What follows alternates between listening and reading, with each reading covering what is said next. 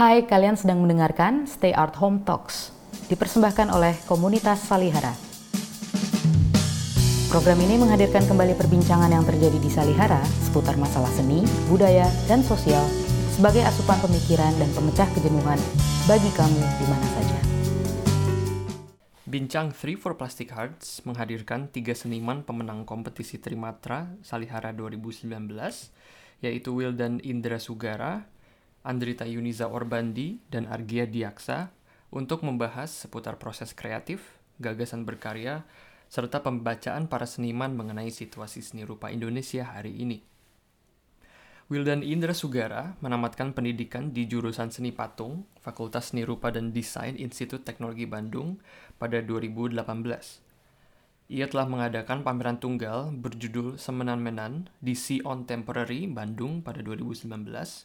Ia juga telah terlibat di beberapa pameran, antara lain Start Link Point di Platform Plus dan Collect Bandung pada 2018, pameran kompetisi Trimatra Salihara, Laju atau Speed pada 2019, dan Open House di Zentrum für Kunst und Urbanistik, Berlin, Jerman.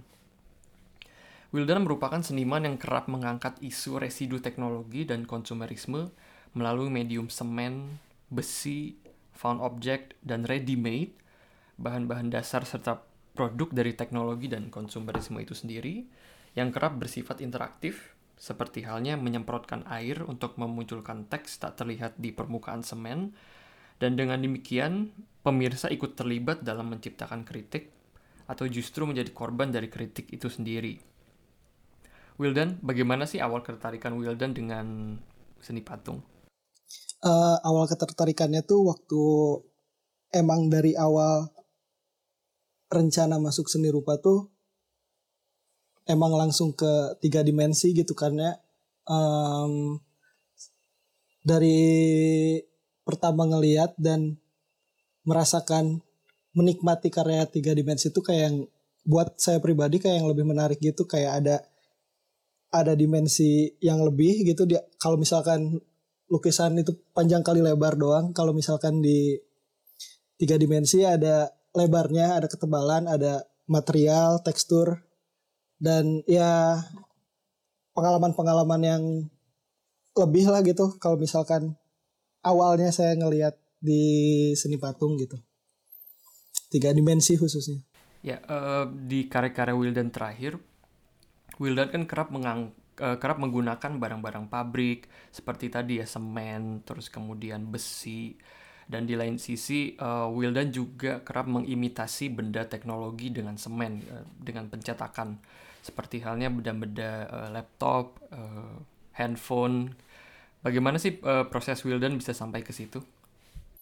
Nah sebenarnya kalau misalkan penggunaan material yang industri gitu kayak semen besi itu kayak uh, pertama gara-gara emang dekat aja gitu sama saya pribadi kayak yang tiap hari hampir tiap hari ketemu sama benda-benda yang kayak gitu, material-material yang seperti itu gitu terus sama uh, tertarik dengan apa ya? kesan yang raunya gitu kayak nggak usah nggak terlalu cantik juga gitu tapi gimana ya kayak yang akhirnya si material-material itu tuh punya karakter sendiri aja gitu buat buat saya pribadi mah.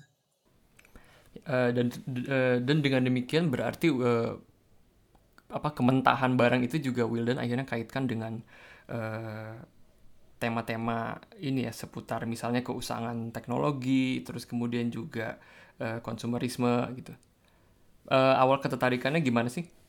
Nah kalau awal-awal ketertarikannya tuh gara-gara emang akhirnya kebuka aja gitu uh, kesadarannya gitu secara eh selama ini yang ngerasain ya sebagai konsumer juga gitu kan saya juga ngerasanya kayak yang terlalu apa namanya akhirnya ngelihat gitu banyak juga yang udah dikonsumsi dan ini tuh baru baru sampai umur segini dan cuma saya sendiri. Kalau misalkan dibandingin sama orang-orang dan ya orang-orang yang ada di muka bumi ini aja kayaknya produk-produk yang udah dikonsumsi itu banyak banget dan ya emang yang diproduksi banyak dan yang di- dikonsumsi juga sama aja banyaknya. Terus akhirnya kayak yang jadi si residu-residu ya bekas pakainya itu pada ke mana gitu? Kayak yang mulai ada sentilan aja gitu dari situ tuh. Nah, mm, Wildan kan kerap membuat karya yang interaktif eh, seperti tadi ya.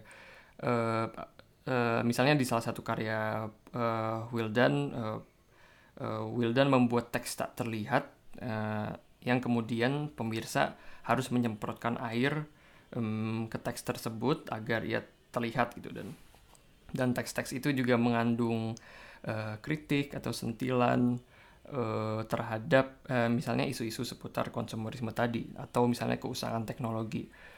Hmm, gimana sih Wildan bisa sampai ke tahap itu?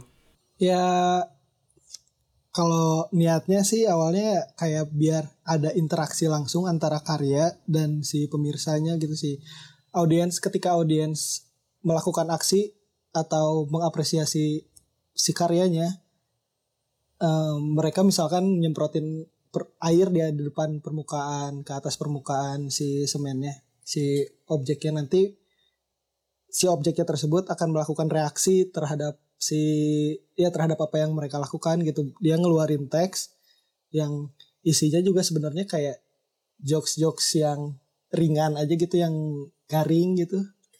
Kayak yang satir sedikit satir ke terhadap isu-isu tersebut juga gitu kayak yang biar ada impactnya impact langsung tapi nggak terlalu besar aja gitu dari karya kalau misalkan kayak kan banyak juga gitu orang yang atau seniman-seniman lain yang biar bikin karya biar karya aja tuh impactnya besar secara global gitu. Nah kalau saya tuh ya udah aja impactnya tuh nggak kalau misalkan ya apa nyinggung ke arah situ juga gitu kayak yang impact karya saya emang nggak perlu nggak perlu nggak perlu yang nggak perlu yang seluas itu tapi langsung aja ke audiensnya gitu ketika audiensnya melakukan suatu aksi terhadap karya saya ya udah karya saya aja ngasih timbal balik aja gitu Tapi kemudian di lain sisi karya-karya Wildan kan juga bersifat instalatif.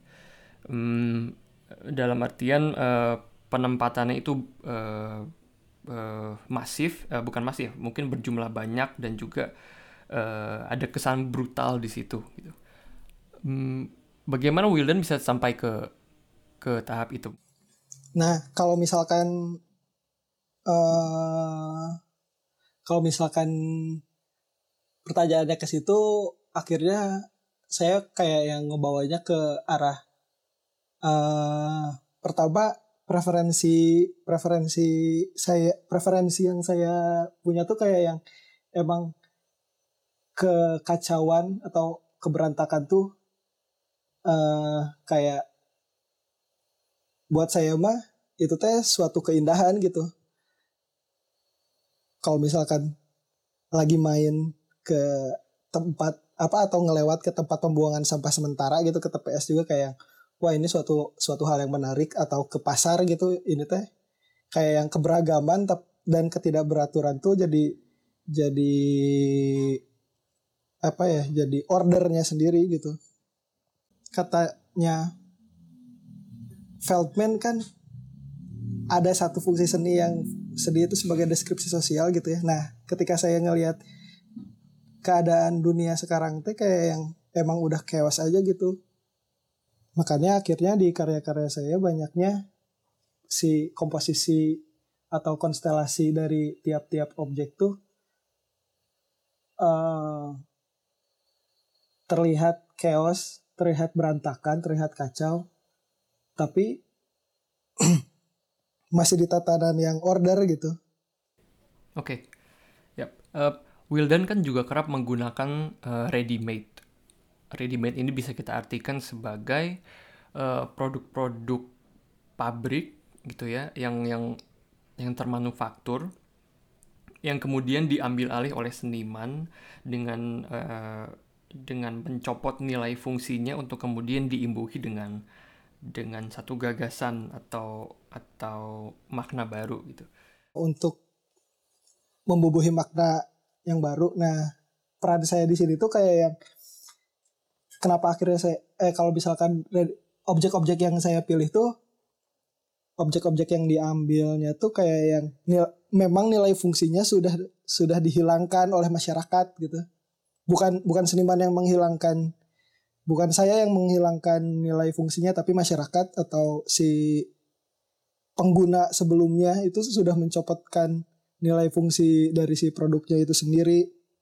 Nah, kemudian produk yang sudah dihilangkan fungsinya oleh masyarakat atau oleh pengguna sebelumnya tuh sama saya ambil, saya kumpulin dan akhirnya baru setelah itu saya bubuhi dengan nilai-nilai yang baru gitu. Uh, Wildan kan juga kerap menggunakan teks di dalam karya Wildan.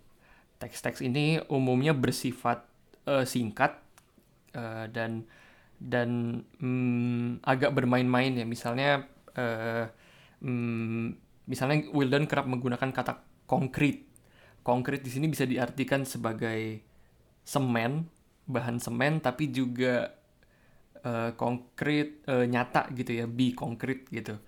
Uh, bagaimana sih ketertarikan Wildan terhadap karya teks gitu?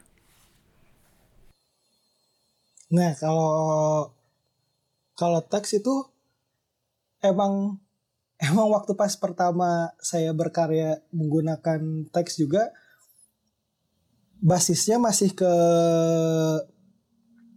ngolahnya tuh main-mainnya tuh masih ke ke media ke medium medium si beton itu sendiri gitu. Ketika si beton ya kalau misalkan orang mengenal beton dengan istilah atau bahasa lain beton itu konkret di bahasa Indonesia nya sendiri pun konkret itu punya punya arti sendiri gitu dan kalau di bahasa Inggrisnya juga konkret juga punya punya arti yang lain gitu. Jadi da dalam satu kata tuh uh, maknanya atau artinya tuh bisa macam-macam.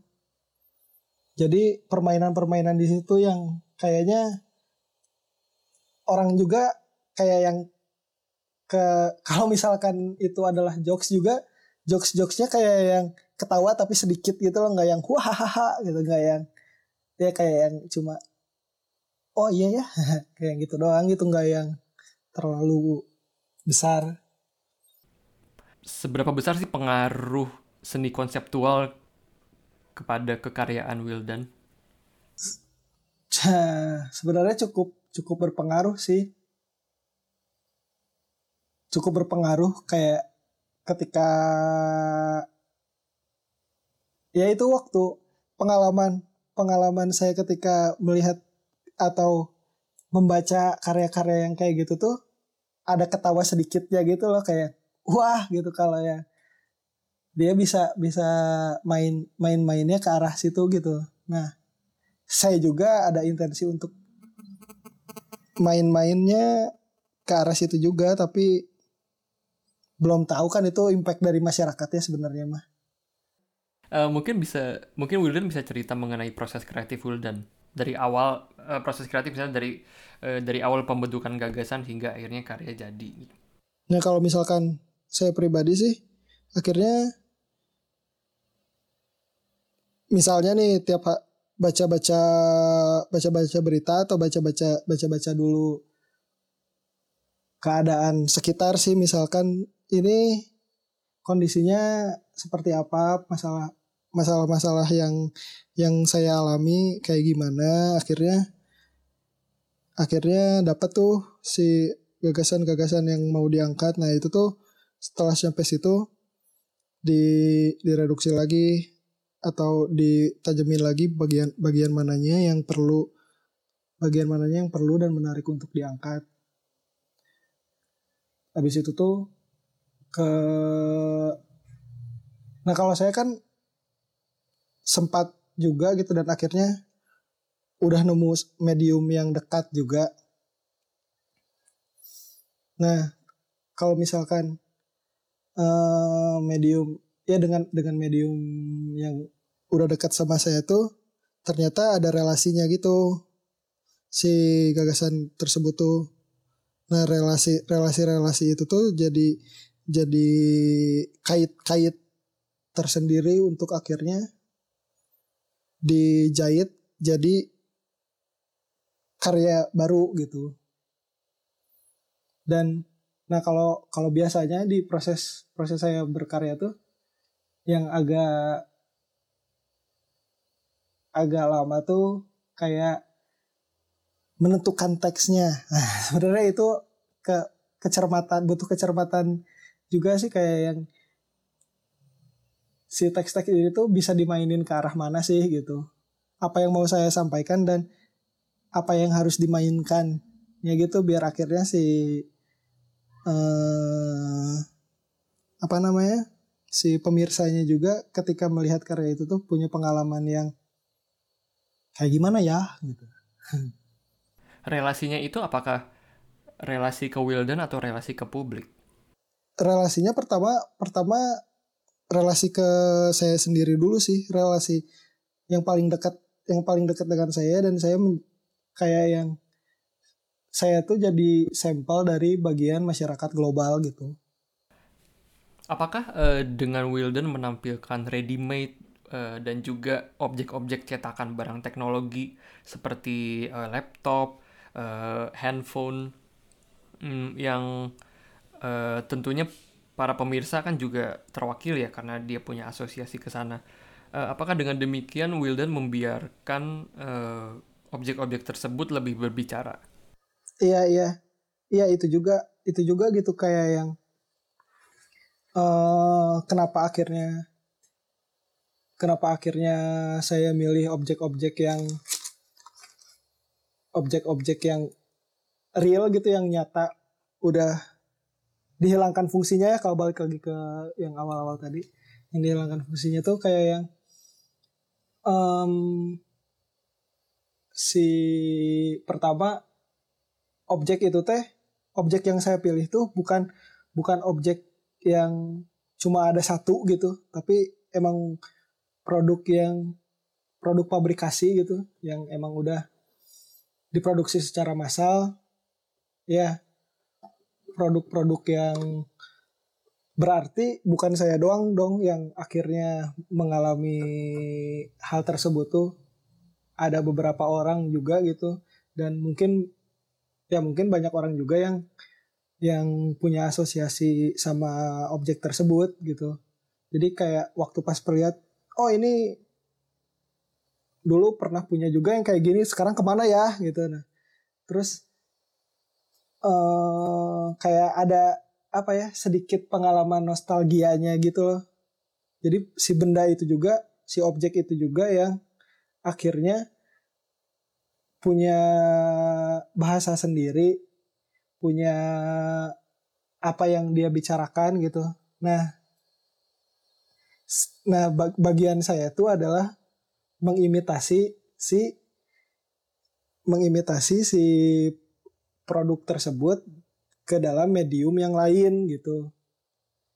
Misal apakah karya seni sebuah karya seni masih memerlukan sikap kritis terhadap keadaan gitu Se sorry seberapa efektif uh, sebuah karya seni dalam menyampaikan sebuah kritik nah itu juga sebenarnya seru sih kalau diobrolin lebih lanjut tapi kalau buat saya pribadi gitu ya kayaknya